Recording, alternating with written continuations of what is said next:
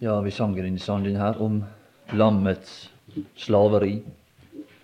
Og det minte meg da om det som vi er opptatt av. Et annet slaveri som, som Josef. Han ble en slave i Egyptens land. Av hensyn til oss, for oss, for oss å fri.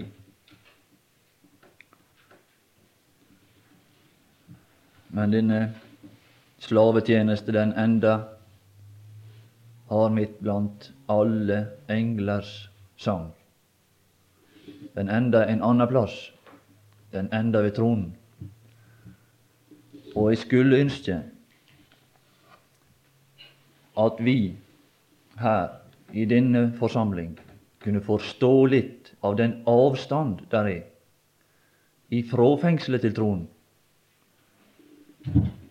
Da skulle vi i denne formiddag ha mer enn nok. Og ikke bare i denne formiddag, men i hele vårt liv få inn en dimensjon som overgår alt det andre i denne verden. Som skal fengsle vårt sinn og innta vårt sinn og gi det en varig dimensjon, slik at vi har noe å leve for slik at når vi legger oss om kvelden, at vi skal kunne takke Han, og at det ikke skal bli bare noe, en, en formular, ei bønn som vi ber slik tilfeldig, og som vi kanskje ikke greier å fullføre for dette er hun igjen. For det er ikke mer om å gjøre for oss. Men da skal det være noe i vårt sinn som gjør at vi sender. Vi med glede takker for den. Så kan vi legge vårt òg igjen med et smil om kvelden, og så kan vi med glede takke for Faderen, ikke med plikt. Som gjorde oss skikket til å få del i de helliges arvelodd i lyset.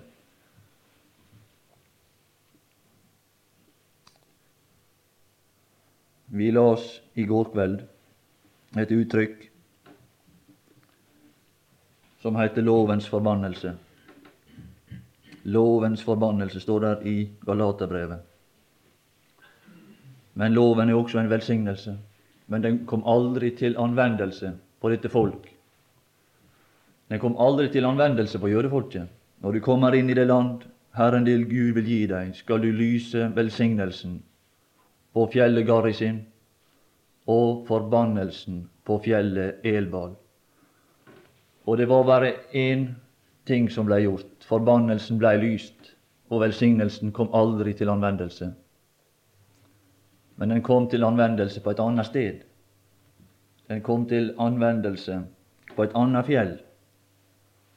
Den kom til anvendelse over den Herre Jesus. Han som oppfylte disse ting og disse paragrafer. Og vi skal finne hva for. Og verden har, som vi sa i går, bare gjenta det, ennå ikke sett en person, unntagen den Herre Jesus, som er lytt øvrigheta på en slik måte at en aldri på det på et eneste punkt kunne klage på Han. Det var ikke noen ting å peke på i hans liv der øvrigheta kunne gripe inn og straffe han. Derfor kunne han levd han kunne levd sitt liv i denne verden enda. Døden ville enda ikke ha tatt han. Han ville kunne gått rundt i, i jød, jødeland og gjort vel, som før. Men han ville gjøre vel på en annen måte. Han ville ikke løse våre problem. Han ville ikke løse våre problem ut ifra vår betraktning, men han ville løse våre problem ut ifra Guds betraktning. Gud, han ser at vi har ett problem og det blir løst ifra det største behov. Men det ser ikke vi. Vi ser andre behov, men Gud ser at dette er underordna behov, som retter seg når vi får det store behov ordna, nemlig frelse ifra fortapelse, frelse ifra død. Og ikke bare det. Det er et annet behov også. Det er det at vi kan få et samfunn med Gud allerede her, og et interessant liv allerede her et meningsfullt liv. Et liv som vi kan ta med oss inn i evigheten, og som kan bli til velsignelse for andre her. Slik at vi blir noe pluss i samfunnet. Jeg sier iallfall det når jeg er i dårlig humør. Så sier jeg det, er bedre å være et lite pluss enn å være et lite eller stort minus. Det kan du være sikker på. Å være et lite pluss. Det er somme som ikke kan gjøre noe uten at de gjør mye. Uten at det ruver i samfunnet. Det kan hende det ruver mer for han som sitter på tronen, enn du tror. Det er han som er ekspert til å sjå de små ting og synest om dem. Han, han talte, veit du hva han taler om? Tror du det at i Bergens Tidende slår opp om et beger koldt vann? For langt derifra. Et beger koldt vann, men i, i Skriften har det funnet sin plass. Han skal ikke bli glemt, står det. Han skal ikke bli glemt. Å, den dag du gav et beger koldt vann for å kvege ei sjel i denne verden, en dag skal det omtales med heder i Guds himmel. Det skal framtakes hver minste detalj. Så skal Han takke deg for det skal du få et anerkjennende ord om du ikke fikk det her. Ja, vi ser denne Josef i dette fengsel. Han syntes det ikke var noe problem, han. Det var masse bud. Du skal gjøre det, Josef, og du skal gjøre det. Du skal mate kongen. Han skulle mate Potifar også, og lage maten åt ham. Nei, det var ikke noe problem. Han hadde ikke gift oppi begeret åt ham, slik som mennesket har gjort.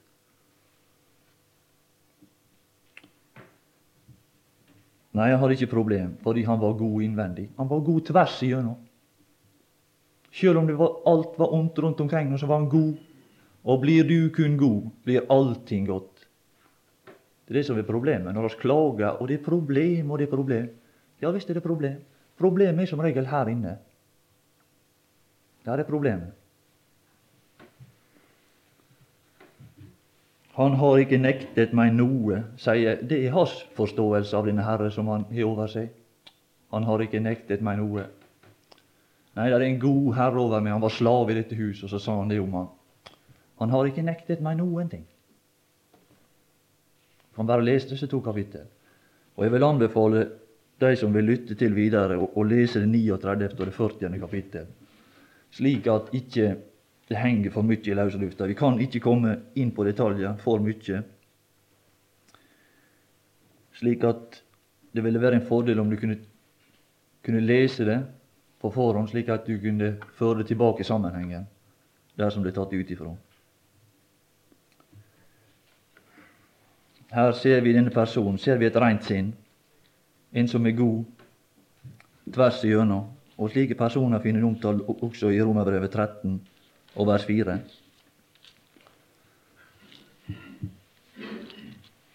Ja, det er et merkelig kapittel, dette Romerbrevet 13.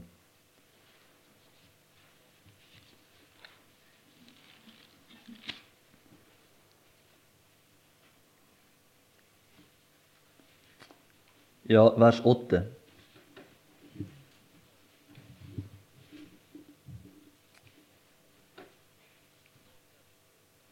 Bli ingen noe skyldige, står det. Der står et godt råd. Og her gjelder det øvrigheten.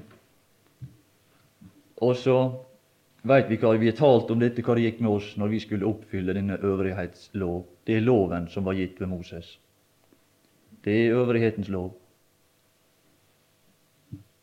Og så kan vi se på en annen person. Han ble iallfall ikke skyldig.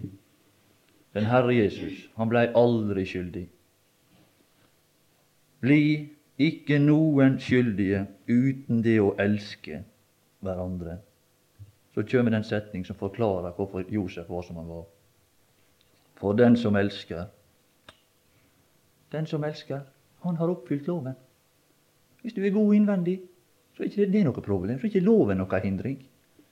Og når vi faller i forbindelse med denne lov, når vi stadig overtrer, så er det bare et bevis på at vi ikke er gode tvers igjennom. Stadig problem å oppfylle krav. Så tror vi det at det henger så høyt. Det var hårde bud, sier de når Moses presenterte loven. Nei da, det er ikke hårde bud. Det er ikke hårde, det er ikke vanskelige bud. Men det er bare det at vi er falt ned på et nivå der vi ikke er i stand til å oppfylle dette. Derfor så er det ut ifra vår betraktning det er vanskelig.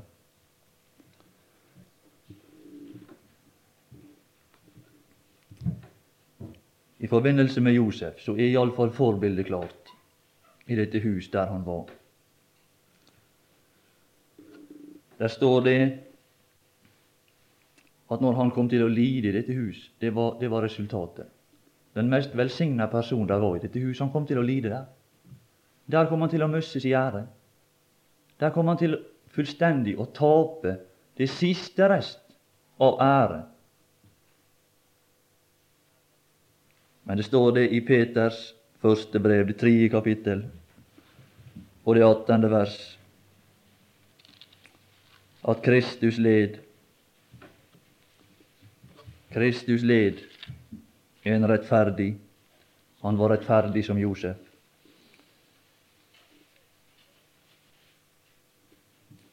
En gang for synder. Det var det der var i dette hus. Det var det disse tjenere praktiserte, og det, var det denne hustru til Potifar praktiserte. Det var synder. Men så var det en som ikke tok det tungt. Han led en rettferdig. For urettferdige. Hvorfor? For å føre oss frem til Gud for å føre oss frem til Gud.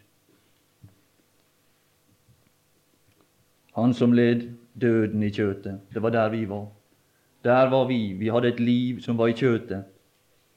Derfor så døde han på det plan, et, som et menneske i kjøtet, men ble levende gjort i ånden på et annet plan. Det er på Guds plan. Der ble han levende gjort, på det plan han eksisterte før. I en ny skapning, i en ny skikkelse på et nytt nivå, det nivå han hadde i tanke å løfte oss til, for at vi der kunne få se og oppleve Gud med en ny natur, der at vi heller ikke skulle ha noe problem med å oppfylle denne lov, slik at vi skulle bli mennesker som er pluss, det positive mennesket som elsker, og den som elsker, har oppfylt loven. Mot slike er loven ikke. Fordi vi har fått nok en positiv dimensjon her inn. Det står ikke mye eller lite. Den som elsker mye. Nei, det står ikke snakk om det. Men den som elsker, det er slik vi er blitt. Og den vi elsker, det er først og fremst Gud. Vi snakker ikke om dimensjoner i den forstand, mye eller lite her. Det skylder seg nok. Men den som hater, han oppfyller iallfall ikke øvrighetens lov. Men Josef han hadde ikke Potifar som øvrighet. Han ikke, kjente ikke bare til det forhold. Han kjente til det forhold som kom i, i kapittel 37. Han hadde et annet forhold til, sin, til den øvrighet. Han elska sin far. Og denne far og denne Potifar er det samme personer.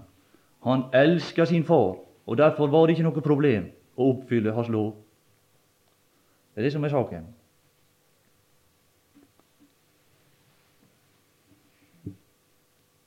Derfor så står det også han blei beskylda for noe som han ikke hadde gjort, og han led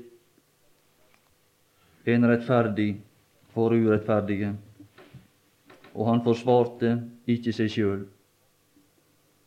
Han forsvarte ikke seg sjøl der i den forbindelse. Han tidde. Han var stille, og han blei beskylda for det laveste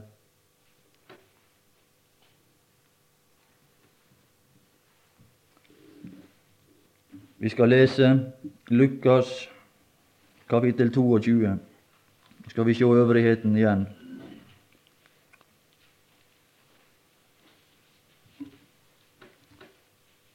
Vi skal ta med litt der som vi egentlig ikke hadde tenkt å ta med, men vi får ikke tid til å ta det seinere. Vi skal bare lese noen vers som handler om øvrigheter. Vers 50, 22, 50. Og en av dem slo til, ypperste prestens tjener. Legg merke til ypperste prestens tjener, det øvrighetens tjener det er snakk om her.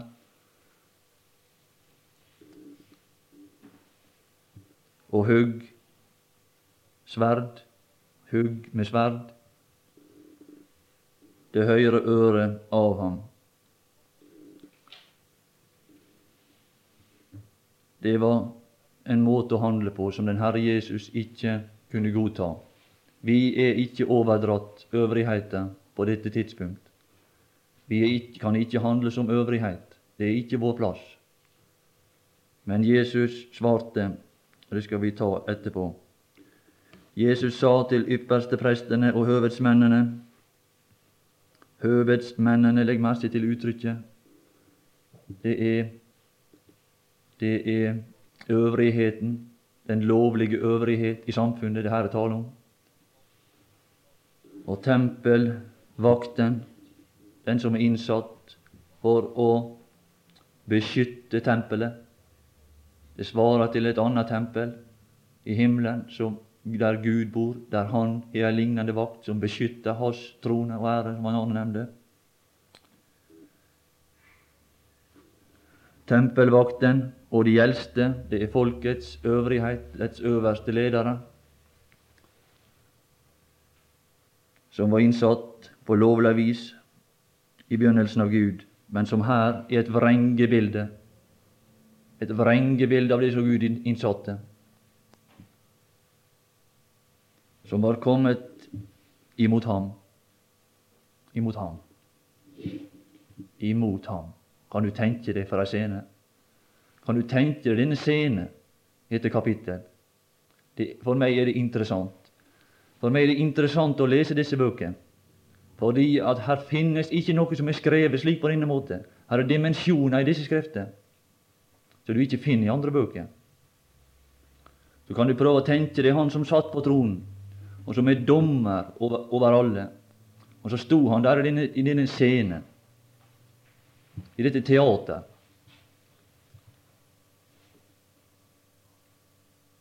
Og så sa han, som var kommet imot ham, så sa han, dere er gått ut som, som mot en røver. En røver det slike som øvrigheten tar seg av. En som ødelegger, en som en trussel for samfunnet med sverd. Det er øvrigheten som bærer sverdet og stokker. Da jeg daglig var hos eder i tempelet, rakte ikke ut eders hender mot meg.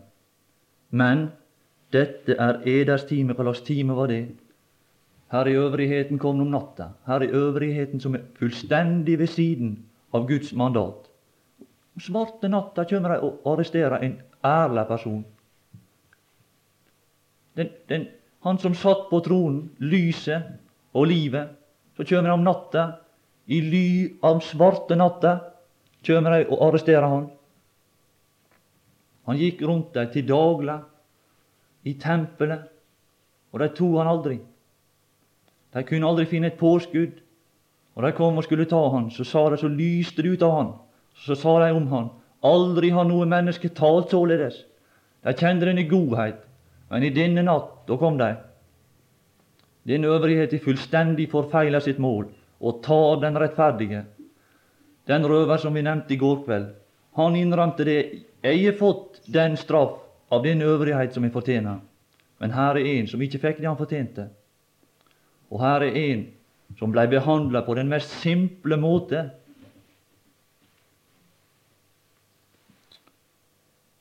Men dette er eders time og mørkets makt. Dere er gjort til ett med den mørke makt. Derfor handler dere i mørket.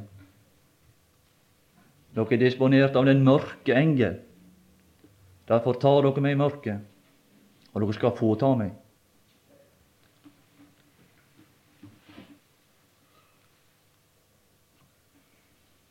Vers 62, 63. Og mennene som holdt Jesus. Her er den øvrighet som vi leser om i dette kapittel.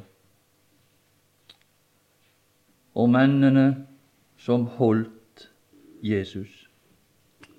Ja, ja, jeg tror det blir en merkelig dag for disse folk. Når jeg en dag skal se denne personen, kan det være de holdt der? De sto og helt rundt en person der. Men så en dag så skal de få se hva han, var dette, som de holdt der. Han blir ikke god å holde på den dag. På den store, hvite trone. Kan du tenke deg for ei scene? Og ikke bare holdt ham, men sjå videre hva det står. De spottet ham. De skulle leke øvrighet, de skulle behandle han rettferdig. Hva slags politimann gjør noe slikt som dette her? Som i anledning til å slå den som han skal behandle rettferdig. Han fikk ikke noe rettferdig behandling. Ikke på noe punkt ifra den gang som han begynte på fra Getsemane og til han døde på Golgata. Ikke på ett punkt ble han rettferdig behandla. Men når jeg og du kommer inn i evigheten, dersom sjøl om vi har nekta å ta imot frelse, så skal vi i alle tilfeller være forvissa om at vi skal bli rettferdig behandla.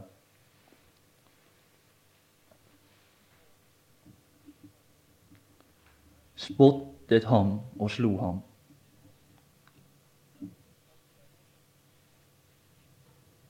vers 51. Jesus svarte, og jeg er glad for dette svar som han ga. Jesus svarte. Så sa han la. La dem bare gå. Så vidt. Så vidt. Er det grense? Er det grense? La dem bare gå. Jeg skal iallfall fortelle deg det, at hvis vi ikke blir frelst fra vår synd, så er det nesten ikke grense for langt, hvor langt et menneske kan synke i forbindelse med denne mørke makt. Jeg er glad for dette svar. Det er iallfall min redning, dette, at han sa 'la dem gå'. Og Hvis han ikke hadde sagt det, han sagt noe annet, det får være nok, så har ikke det vært et, frel, et, et frelsende øyeblikk for min sjel, i alle fall.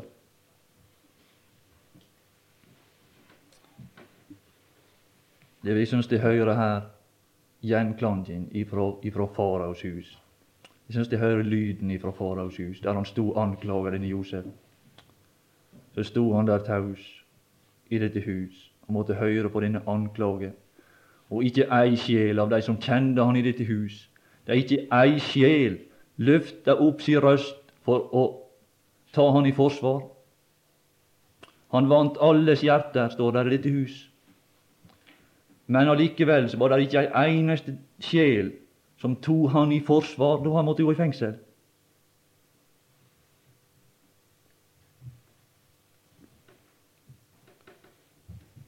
Josefs Ja,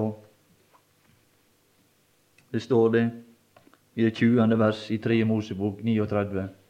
Nei, 1. Mosebok 39. Der står et omslag, fullstendig omslag i denne historie, i denne tjeneste i dette hus. Da opptentes hans vrede. Far, Potifars vrede. Da. Det er et omslag i Jesu liv som vi finner ved korset, der hele situasjonen blir fullstendig forandra.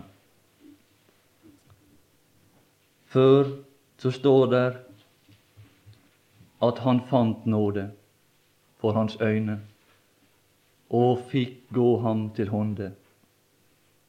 Det er den nåde som den Herre Jesus finner på grunn av sin skjønnhet, den godhet som er i Han.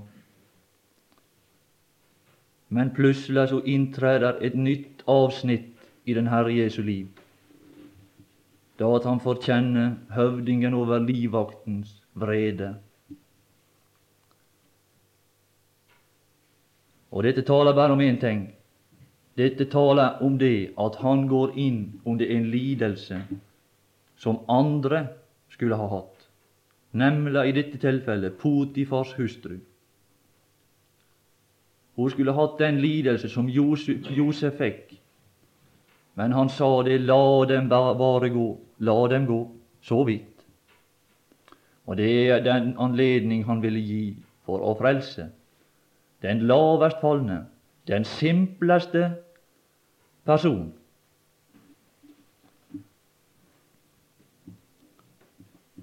Josefs herre, står der, tok og satte ham i fengsel lett. Et bestemt fengsel.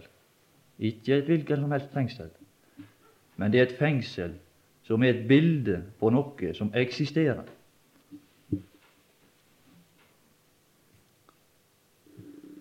Og vi kan være helt sikre på det,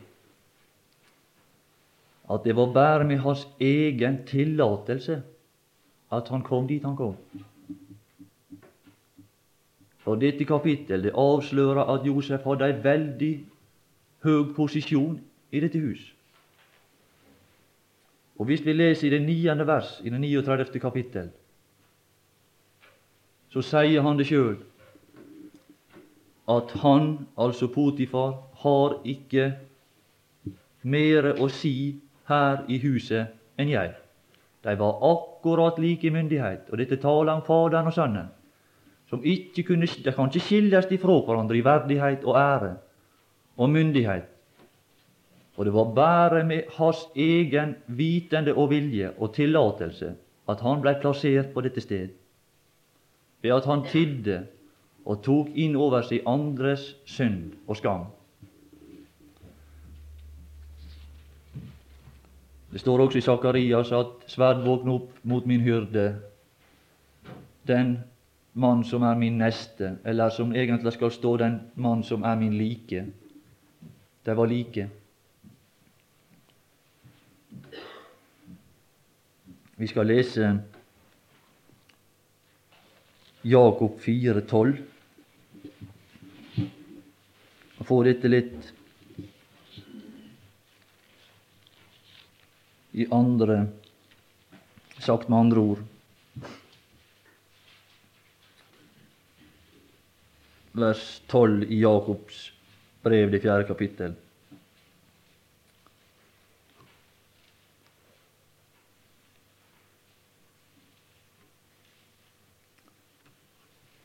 En er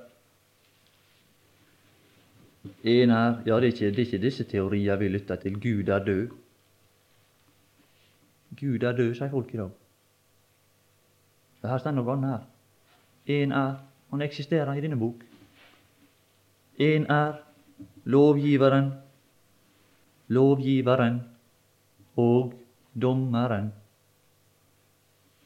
Det er Gud. Han som er mektig, han er mektig til å frelse. Det stender først. Det stender først. Han er mektig til å frelse. Veit du dommeren er mektig til å frelse? og dommeren er å treffe. Dommeren er kontortid. Han har åpna et kontor, han har åpna en sal, som han la som han har med, i sitt tempel. Der at han holder kontortid. Hele døgnet rundt. Så kan du få pådømt i sak.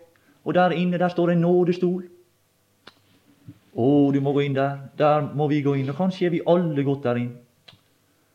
Kanskje er vi alle ferdige, så vi vært hos dommeren, som er alles Gud. Og da har vi vært forbi lovgiveren. Da er ikke loven noe problem lenger for oss. Han er mektig til å frelse. Ja, ja, det er han. Han er mektig til å frelse. Og til å ødelegge. Ødelegge. Han er mektig. Det vil si at hans ord har gyldighet. Det er hans ord som har gyldighet. Han er mektig til å frelse, altså frikjenne. Han har myndighet til det. Og han har myndighet til å fordømme oss. Det er bare han som har det. Du må aldri høre hva naboen sier. Du må aldri høre hva en eller annen sier. Du må høre hva han sier, som er den øverste myndighet, den lovlige dommer.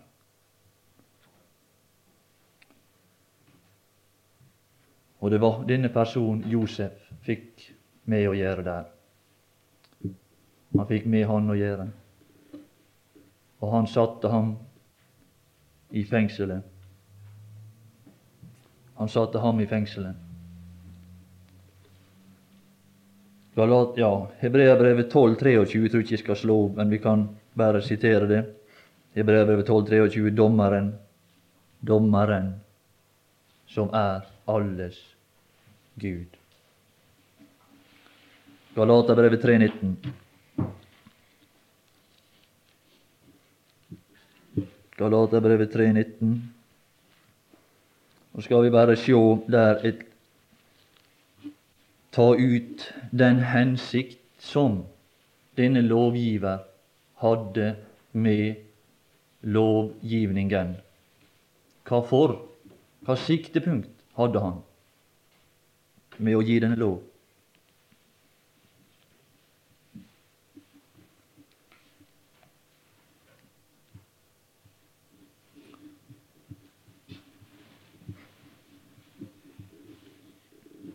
I, vers 19 skal vi lese Hva skulle da loven til? Hva skulle loven til? Og Her svarer Guds ord. Her er ikke det overgitt til vår forgodtbefinnende å bruke loven som vi vil. Men her taler Gud om hvordan. Her taler den øverste myndighet. Hva er min hensikt med denne lov? Den ble lagt til for overtredelsenes skyld. Den ble lagt til og vi leser i vers 22. Men Skriften har lagt alt inn under synd. Det er lovens hensikt. Den har lagt alle våre gjerninger inn under synd. Den har beskrevet våre handlinger, slik at når vi møter på denne lov, så er det nettopp slik vi faller, slik som loven beskriver det. Du skal ikke gjøre det, du skal ikke gjøre det. Så setter Gud opp disse reglene bare for å vise oss at vi er falt på denne måten. Så når vi kommer til disse punktene, så er det rett uti det. Snubler rett på hodet uti. Og så står vi der, våte og trasige, noe som heter. Og så lurer vi på hva det er for noe. Ja, det her er gale. Og det var det Gud ville vise oss. Dette som han hadde sett i tusener av år. Og så ikke bare som han hadde sett, men som han hadde, hadde hatt lidelsen av. Og så ville han gi oss denne lidelse slik at vi kunne ta imot den frelse som gis. Uforskyldt av nåde, så han kunne få noe annet å se på. Han kunne få se oss rettferdige og gode og skikkelige. Han slipper å se oss hele livet i denne elendighet, som han en dag må ta inn i evigheten og dømme. Renske bort, få det vekk, for han kan ikke se på Han kan ikke tåle å se på urettferdighet. Om vi kan tåle det, så kan ikke han tåle det.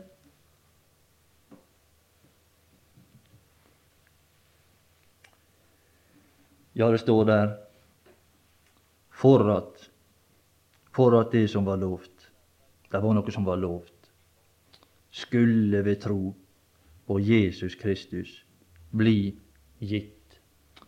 Å, der er en glad giver. En eller annen plass, om du ikke funnet det noen annen plass, så eksisterer den glade giver.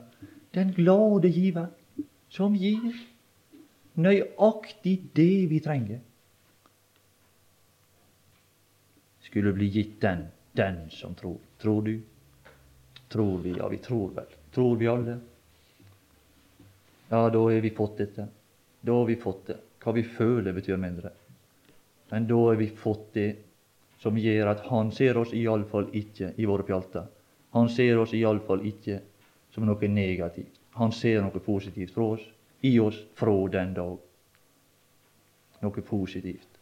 Så ser han noe som det nytter nytte å arbeide med. Så ser han noe som det nytter å tale til. Så ser han noe som han kan elske, sjøl i de laveste øyeblikk i vårt liv. Fatter du det? Tror du det?